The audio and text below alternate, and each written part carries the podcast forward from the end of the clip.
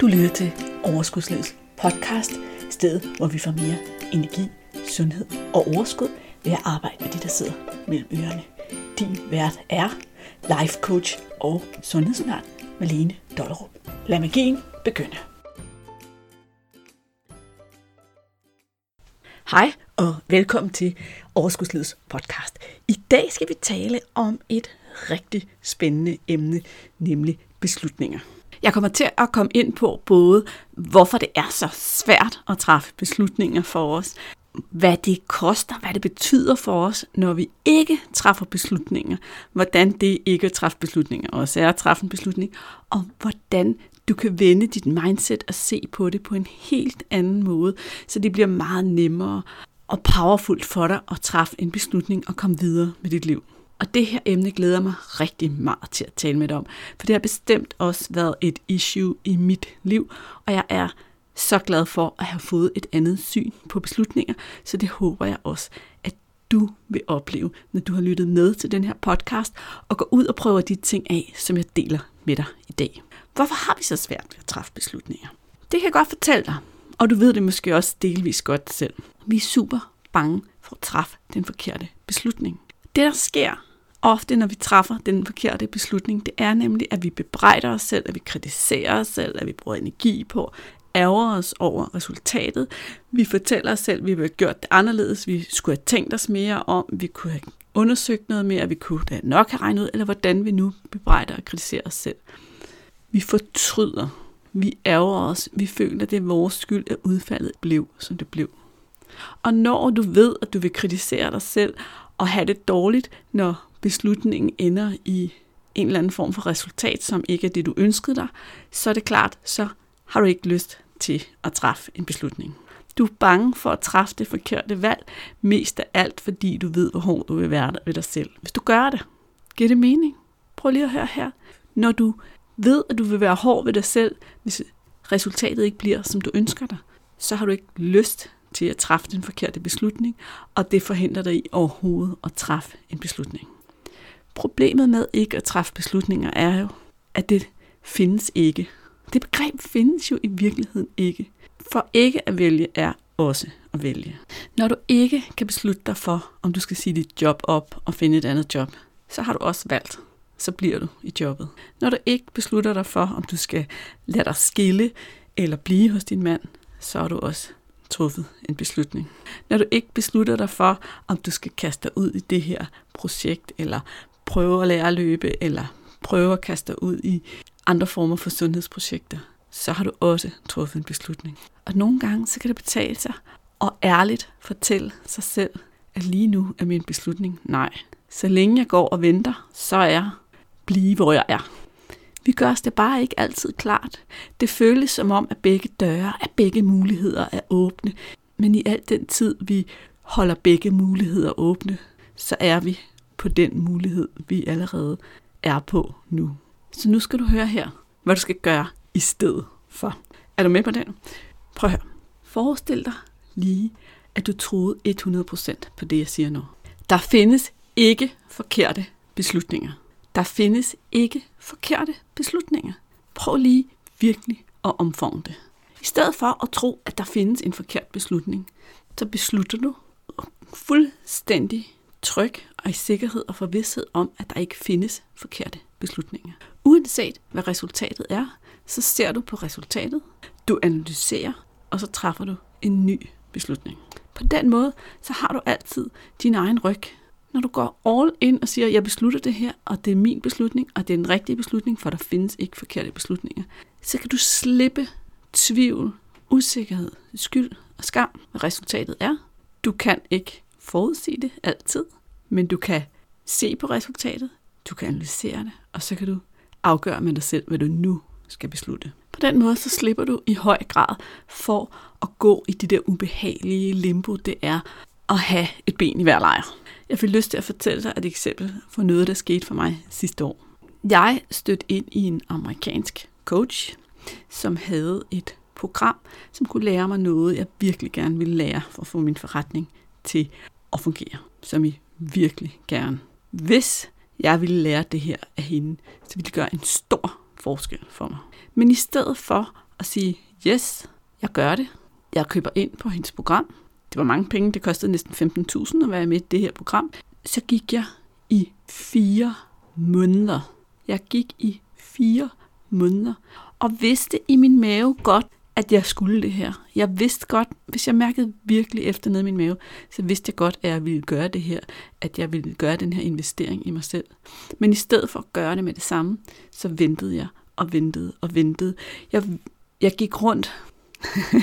jeg gik rundt og forestillede mig, at der skulle komme et eller andet bevis ned fra himlen. Og nu laver jeg lidt fis med mig selv. Men, men det var nærmest som om, jeg forestillede mig, at der skulle komme et bevis ned fra himlen, der ligesom viste mig, ja, Malene, det er det rigtige at gøre. Og når du får det bevis, når du ligesom får den her indsigt, når det her lander hos dig, så ved du, at det er det rigtige at gøre. Men hør her, venner, det her bevis, den her sådan, følelse, vi går og venter på, den kommer ikke nogen steder fra andre end fra dig selv. Og hvis du stoler på, at du tager den rigtige beslutning, så er der ingen grund til at vente. Der er ingen grund til at gå i det her ubeslutsomhedslimbo. Det var jo mega frustrerende for mig. Jeg ville jo gerne have det her resultat. Jeg ville gerne lære det, som den her amerikanske dame, hun kunne lære mig. Og alligevel, så udskød jeg det, udskød jeg det, udskød jeg det. Og ved du, hvad, ved du, hvad jeg gjorde, da jeg så endelig besluttede det? Så gik jeg ind, og så lærte jeg alt det her. Og så sagde så, fordi det er jo en anden ting. Nogle gange så beslutter vi noget, og så bliver resultatet rent faktisk det, vi ønsker os. Og hvad sker der så? Slipper vi så for bebrejdelsen? Nej, nej, så bebrejdede jeg mig selv, at jeg ikke havde truffet den beslutning noget før, så jeg kunne få de resultater noget før. Altså, jeg gjorde alt det, som jeg lige har stået og sagt til dig, du ikke skal gøre, og som jeg hver dag øver mig i at holde op med at gøre, nemlig at kritisere mig selv for mine egne beslutninger. I stedet for, fra den dag jeg mærkede, at det her var rigtigt for mig, så kunne jeg sat mig ned, jeg kunne have undersøgt mine muligheder, jeg kunne have undersøgt, hvad det var, jeg fik, jeg kunne have truffet en beslutning, og jeg kunne have besluttet, at det var det rigtige for mig. Og så kunne jeg også have gået all in fra start af. For når vi beslutter, at vores beslutninger er rigtige, når vi beslutter, at der ikke findes forkerte beslutninger, så kan vi gå all in.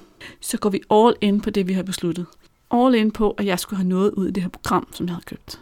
Når jeg har besluttet det her, så gør jeg all in. Hvis jeg beslutter mig for at sige mit job op og finde noget, så gør jeg all in, så går jeg ud, og så leder jeg efter job, og så tror jeg på, at der findes noget bedre for mig derude, og så leder jeg ind til at finde noget, der er bedre derude eller jeg beslutter mig for at blive i mit job, så gør jeg all in på at få mit job til at fungere på at finde min arbejdsglæde igen, for at få flere af de opgaver, som der giver mig flow og god energi på arbejdet. Men indtil vi har besluttet os for én ting, og indtil at vi føler sikkerhed for, at den beslutning, vi har truffet, er den rigtige, for der findes ikke forkerte beslutninger, så kan vi ikke gå all in. Så kan vi ikke hjælpe os selv til at gøre beslutningen til den rigtige beslutning. For beslutninger bliver lige så meget de rigtige af, at vi rent faktisk går all in. Det er klart, at jeg siger ikke til dig, at du skal gå ud og bare træffe en beslutning uden at undersøge tingene først. Før du træffer en beslutning, giver det god mening at undersøge, hvad er dine muligheder, hvad kan de potentielle konsekvenser af den ene og den anden beslutning være. Så et godt og fornuftigt spørgsmål er selvfølgelig at spørge sig selv, hvad har jeg brug for at vide, lære og forstå for at tage en beslutning, og så finde ud af det.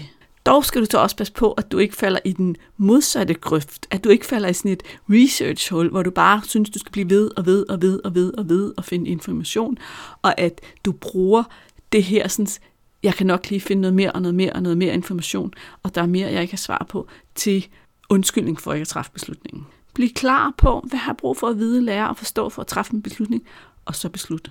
Fordi vi kan falde i det her hul hvor vi skal undersøge og undersøge og undersøge. Der var jeg også til dels sidste år, da jeg skulle træffe den her beslutning om det her program. Jeg blev ved med at fortælle mig selv, at jeg skulle måske lige undersøge lidt mere. Jeg skulle måske lige finde ud af, om det her var med i programmet. Jeg skulle måske lige finde ud af, om du, du, du. Jeg vil prøve at give dig et eksempel i noget, som er meget aktuelt lige nu. Hvis du lytter med i podcasten her i den første halvdel af juni, så ved du måske, at jeg lige nu har åbent for optagelse i mit gruppe coaching program en gang for alle. Det her er jo en lille gruppe med bare otte mennesker. Jeg vil gerne have de rigtige mennesker i den her gruppe. Men dem, der står ude på den anden side, dig, der måske står ude på den anden side, og ikke rigtig ved, om det er dig eller ej. Det kunne være sådan her. Vakle frem, tilbage, frem, tilbage. Læse salgsiden, læse salgsiden igen. Læs den ene mail, læs den anden mail, læs den igen. Spørg nogen. Spørg min mand, min veninde, alt muligt. Der er jo et, et sådan en fælde ved det her med, at vi går ud, og i stedet for at træffe beslutningen med udgangspunkt i os selv, så kan vi ud og spørge vores partner, eller vores veninde, eller vores familie, søster, mor, et eller andet. Nemlig, at de vil os tit det bedste, men det er ikke altid, det ved, hvad det bedste for os er. Så de giver dig tit et svar, som er med udgangspunkt i at beskytte dig mod sværte. Hvis jeg havde spurgt min mand, så skat, jeg har det her program, jeg tror, det kan give mig noget i min forretning, det koster 15.000, hvad tænker du? Så vil han sikkert have sagt, nej, nah, det er mange penge, tror du ikke, du kan finde ud af det på en anden måde? Fordi han vil gerne beskytte mig mod den smerte, det er at miste, eller stå med følelsen af, at 15.000 kroner er smidt ud af vinduet. Men hvis vi lige vender tilbage til, til eksemplet med at skulle beslutte, er jeg, skal jeg gøre det her for mig selv? Skal jeg deltage? Skal jeg vælge at blive coachet til at finde en løsning for mig selv, min vægt, mit forhold til mad? Så er der rigtig mange, der adresserer deres frygt for, at det ikke vil lykkes, eller måske endda endnu en gang vil mislykkes for dem. Altså deres frygt for fiasko ved at blive ved med at researche og blive ved med at tjekke ting ud og blive ved og ved at undersøge, i stedet for at træffe en beslutning. Jeg fik også lige lyst til at adressere det der med at spørge andre en gang til, fordi der er jo ikke noget galt i som sådan at vende sine tanker med en anden og høre sig selv sige dem højt. Men nogle gange, eller rigtig ofte, når vi for eksempel spørger vores partner, skal jeg gøre det her? Så gør vi det også med en skjult dagsorden. Og jeg siger virkelig skjult dagsorden, for det kan godt være, at du ikke kan genkende dig selv i det her, men prøv lige alligevel at tænke over, om det ikke er en lille smule sandhed i det. Vi gør det med den skjulte dagsorden, at når vi spørger vores partner, så hvis han siger ja, og det ikke går, som vi ønsker os, så er det også lidt, altså så kan vi lægge ansvaret lidt fra os. Det var ham, der sagde, at jeg skulle gøre det. Hvis han siger nej, og vi inderst inde godt kan mærke, at vi egentlig gerne ville, men vi var for bange, så er han vores undskyldning for ikke at gøre det, der skal til. Så det her med at lægge ansvaret for vores beslutninger over på andre mennesker, er meget, meget normalt og rigtig skidt for din egen kraft og din egen evne til at træffe beslutninger.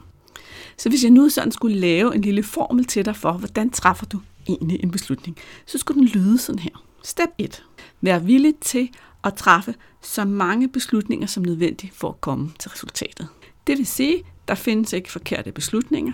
Du træffer en beslutning, du ser på resultatet. Har du ikke fået resultatet nu, analyserer du og træffer en ny beslutning. Step 2. Spørg dig selv, hvad har du brug for at vide eller lære for at tage en kompetent beslutning? Sæt gerne en tidsramme for dig selv. Altså, hvor lang tid vil jeg bruge på at undersøge det her? Hvornår vil jeg gøre det? Og hvornår er jeg tilfreds? Så du ikke falder i det der research-hul, hvor du bliver ved med at vakle frem og tilbage og skulle kigge på tingene igen og igen og igen. Som jo egentlig vil sige, er step 3. Begræns din research tidsrammen. Step 4. Hvis du beslutter dig for at finde yderligere info andre steder fra, altså for eksempel spørge en partner, en veninde, en søster eller en mor, så vær forsigtig. De vil ofte svare ud fra et ønske om at beskytte dig mod ikke at blive såret. Så det er fint at vende sin beslutning med en, man holder af eller er tæt på, men allermest med det formål at høre sine egne tanker og mærke efter nede i maven. Hvis din samtalepartner i den her situation giver dig et svar, at du kan mærke nede i din mave, der er noget, der er off, så er det et meget godt tegn på, at du skal tilbage til dig selv. Fordi step 5 er også, find svaret i dig selv. Stol på dig selv. Husk, at hver eneste beslutning, du tager, bare er et skridt på vejen. Og det skridt kan du korrigere. Forveksel ikke dit ego med din mavefornemmelse.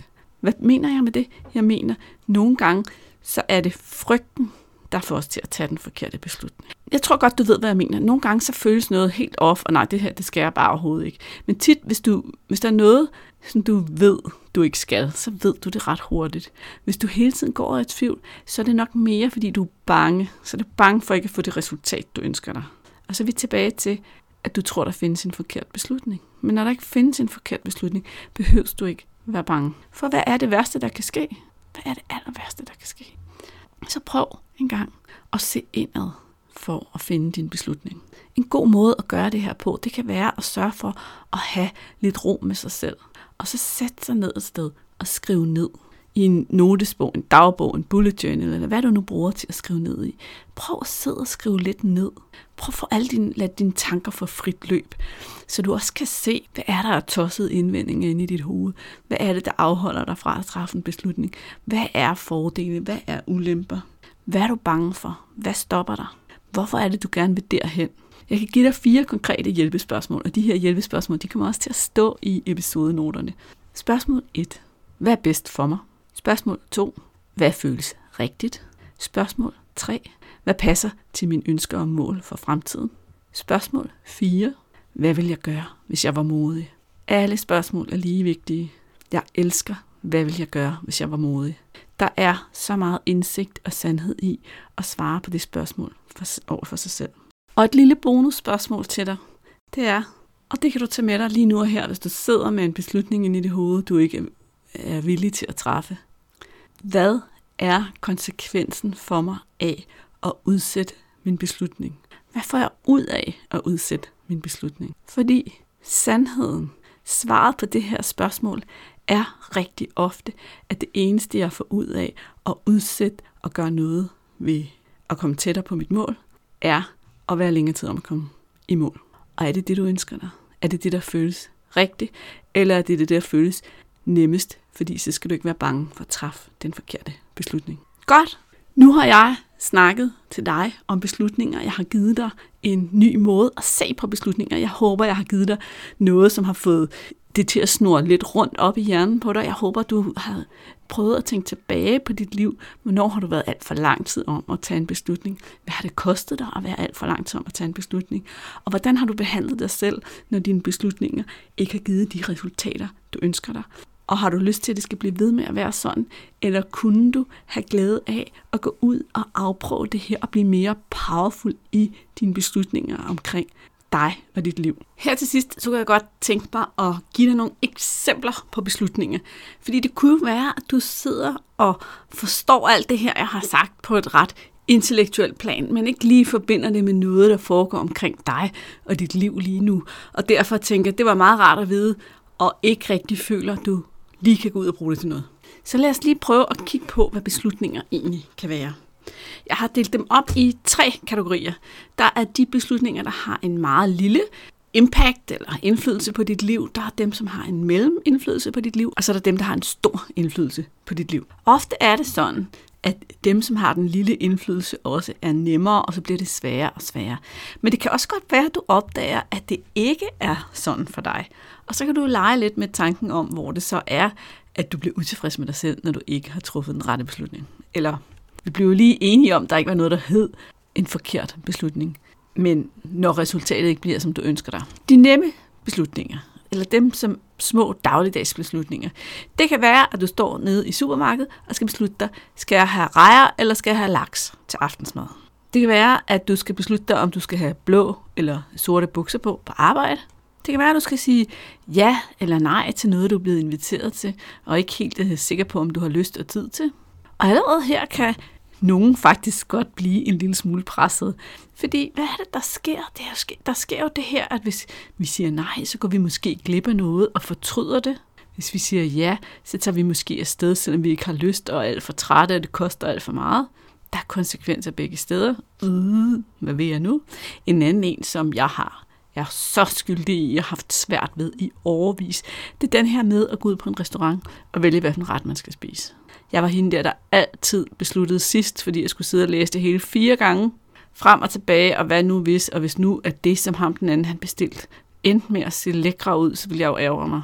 Kan du se, hvordan, at hvis du sidder på en restaurant og bekymrer dig om, om de andre tallerkener ser lækre ud, så har du allerede besluttet dig for at kritisere dig selv, hvis du vælger forkert.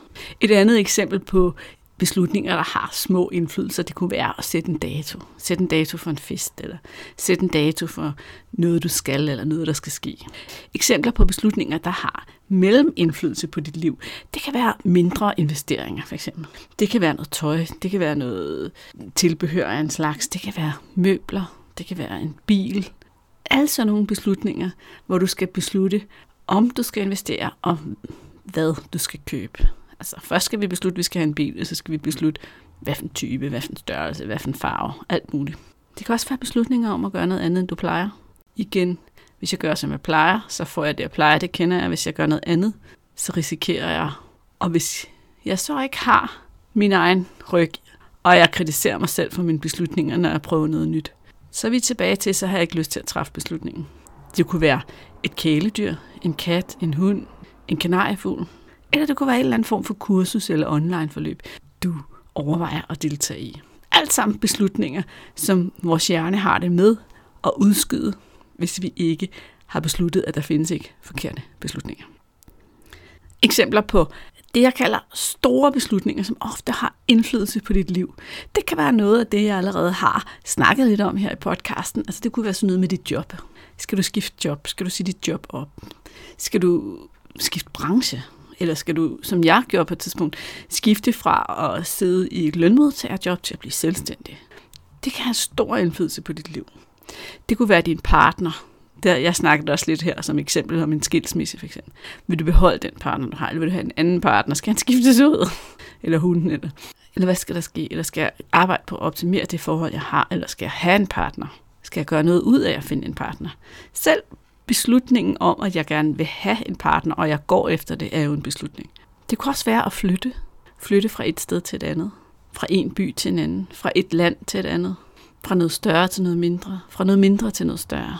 Det kunne være, at du vil flytte i noget mindre for at have et større rådighedsbeløb, eller for at kunne vælge mere frit, hvordan du vil arbejde, fordi du ikke behøver den samme indtjening. En stor beslutning kan også være en eller anden form for sandhed om dig selv, som du frygter, og andre vil dømme dig for. En klassiker er jo den her med folk, der er homoseksuelle og springer ud af skabet, som man kalder det. En hver, der har prøvet sådan en proces, ved jo, at der også ligger noget beslutning bag at gøre det, og hvornår det skal gøres. Men det kan være alt muligt andet øh, om dig selv, som du frygter andres dom over. En stor og livsændrende beslutning kunne være, om vi skal have et barn, eller et barn mere, eller vi ikke skal have flere børn. Det kan være en eller anden form for stor investering, du skal gøre i et eller andet. Dig selv, din forretning, aktier, hvad som helst. En stor investering. Eller en eller anden form for uddannelse, læring, noget som der kan udvikle dig og flytte dig fra, hvor du er nu, og til et sted, du hellere vil være. Jeg tænker, at med de her eksempler har du fået en meget god idé om, hvor mange beslutninger du allerede har måtte træffe gennem dit liv, og måske er kommet i tanker om nogle eksempler, hvor du har været alt for lang tid om at træffe en beslutning, og hvad det egentlig har kostet dig, hvor meget smerte der var i det, og det her med, at vi nogle gange er så lang tid om at træffe en beslutning, at vi virkelig betaler en stor pris for ikke at træffe beslutningen. Det kan også være, at du har genkendt dig selv i nogle steder, hvor du er god til at beslutte dig og er lynhurtig. Du kan være, det kan være, at du er hende, der altid sidder på restauranten og ved præcis, hvad du vil have, eller står op om morgenen og har totalt valgt det tøj, du skal have på på tre sekunder, eller er lynhurtig, når du beslutter dig for, at nu vil du bo et andet sted, eller have et andet job. Vi har alle sammen hver vores steder, hvor beslutninger er sværere end andre. Og de interessante steder er selvfølgelig der, hvor de er svære. For hvad er det, du er bange for, der skal ske? Og det vil jeg også lade det være den sidste opfordring i den her podcast. Det er en gang imellem at forfølge det her sådan spørgsmål. Hvad er det egentlig, du er bange for, der skal ske? Og hvad er det værste, der kan ske? Og selv hvis det værste sker, så har du som regel en handlemulighed. Du kan træffe en ny beslutning og fortsætte. God fornøjelse med at gå ud og træffe beslutninger. Prøv det her af. Hvis du har lyst til at blive hængende og lige høre, hvad er egentlig det her en gang for alle gruppe coaching program, som jeg snakker om, så er det nu. Ellers så kan du bare slukke podcasten for i dag og komme tilbage igen i næste uge. Jeg har glædet mig rigtig længe til at kunne starte op på gruppe coaching. Langt hen ad vejen, så er det det samme som at få en til en coaching, fordi præmissen er, at du kommer med de udfordringer, du har, og jeg hjælper dig, jeg coacher dig til at ændre situationen. Men det der sker er, at i en gang for alle, der bliver der samlet en lille gruppe af kvinder, som alle sammen har det ønske at tabe mindst 10 kilo eller mere. Og der opstår altså noget ganske magisk, når man samles i en gruppe. For det første, så sker der noget, som vi alle sammen har rigtig godt af at opleve. Nemlig, at vi oplever, at alt det, vi går og kæmper med, alt det, der sker ind i vores hoved, alt det, der føles så tungt og så svært og så umuligt, det er vi ikke alene om at kæmpe med. Der findes andre end dig, der også kæmper med at stoppe sig selv og med at gå og slå sig selv oven i hovedet, når de har gjort noget forkert og med at overspise på de forkerte tidspunkter. Rigtig mange af de kvinder, der kommer til mig for at få hjælp, de kommer jo, fordi de i overvis har kæmpet med deres forhold til mad. De har brugt alt for meget af deres tankevirksomhed på mad. Det fylder fra de står op om morgenen til de går i seng om aftenen. Hvad skal jeg nu spise? Hvad skal jeg lade være at spise? Hvordan lader jeg være at spise det? Hvad skal jeg nu gøre? Nu har jeg spist det her, det er også for dårligt. Nu har jeg spist det her også. Hvorfor kan jeg ikke stoppe mig selv? Hvad skal der ske i morgen? Hvad skal der ske, når jeg kommer derhen? Det fylder alt for meget. Og det, der sker, når man bruger coaching til at arbejde med ens forhold til mad, det er, at man kan få et helt almindeligt, sundt og afslappet forhold til mad, hvor man ikke bruger hele dagen på at tænke på mad, men hvor man kan tænke på at leve livet og nyde dem omkring sig, og det der rent faktisk foregår i ens liv. I stedet for, så bruger du kroppen som kompas for, hvornår skal jeg spise, og hvornår skal jeg stoppe. Det lyder altid nemt, og det er der mange ting, der gør i teorien. Men i praksis, så har de fleste af os brugt et helt liv på at lære at overhøre vores krops signaler. Og derfor så tager det også lidt tid, og det tager også lidt, kræver også lidt støtte at komme tilbage til det sted, hvor du både kan og har tilliden til din krop. Alt det kommer vi til at arbejde med på en gang for alle, hvor vi mødes en gang om ugen til coaching. Desuden så er der nogle kvinder, som helt ubevidst, uden at vide det, holder fast i den krop, de har, og der, hvor de er. Fordi det kan være skræmmende at være en anden version af dem selv, eller der er en eller anden grund til, at de holder fast i at være der, hvor de er nu. Det betyder, at man kan gå og kæmpe med at ændre det, men samtidig er der en del af en, som man ikke er bevidst om, som holder fast i det. Det arbejder vi også med på en gang for alle at finde ind til. Findes den situation for dig, og hvad er det? Og sjovt nok, så sker der faktisk det i sådan en coachingforløb, uanset om det er en-til-en coaching eller i en gruppe, at det vi arbejder med, det er dig, det er dit liv, det er din trivsel, det er, at du får det bedre på alle måder i dit liv. Og når du får det bedre, så bliver det meget nemmere at få et balanceret forhold til maden. Og mindre vigtigt, hvad du spiser. Der er ikke nogen perfekt kostretning. Der er ikke nogen perfekt måde at spise på, og du får ikke anvisninger på nogen måder i det her program for, hvordan du skal spise. Men du er altid velkommen til at komme og spørge til den måde, du spiser på, om det giver mening, og om der er noget, du med fordel kan regulere på. Men jeg er meget stor fortaler for, at vi alle sammen skal finde præcis den vej og den måde, der virker for os. Og hver især, så er der faktisk indtil flere måder, der virker, så det skal være en måde, vi kan holde af, og noget, vi ser os selv gøre resten af livet. Så hvis du er en af de kvinder, der bruger rigtig meget tid på at tænke på mad, og hvad du skal spise, og hvad du ikke skal spise, hvornår du skal spise, og hvornår du skal lade være at spise. Hvis du har prøvet mange gange at løse problemet med din vægt, men altid vender tilbage, hvor du startede. Hvis du har 10 kilo eller mere, du gerne vil tabe, og måske også genkender det her med, at du i høj grad synes, at du mangler viljestyrke eller ryggrad til at få noget som helst til at ske, og du ikke rigtig kan se, at der kan være en anden vej end at tage sig sammen og det bare ikke løser dine udfordringer.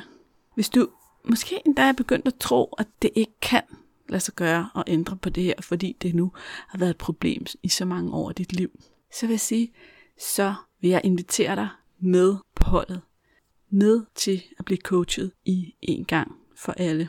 Så du ikke længere skal gå rundt med alle de tunge tanker, der i sidste ende bare får dig til at spise mere.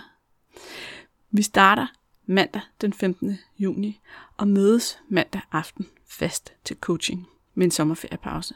Hvis du sidder og lytter til den her podcast langt ud i fremtiden, så er der sikkert et nyt hold, eller du kan skrive det på interesselisten til det næste hold. Men som jeg lige har brugt en helt podcast på at dele med dig, så handler det om, at du tager en beslutning nu. Du mærker efter, hvad er rigtigt, hvad tjener dit mål, hvad vil du gøre, hvis du var modig, og så går med det. Jeg vil elske at hjælpe dig. Og indtil at du tror 100% på, at det kan lade sig gøre for dig, så skal du vide, at jeg tror på dig 100%.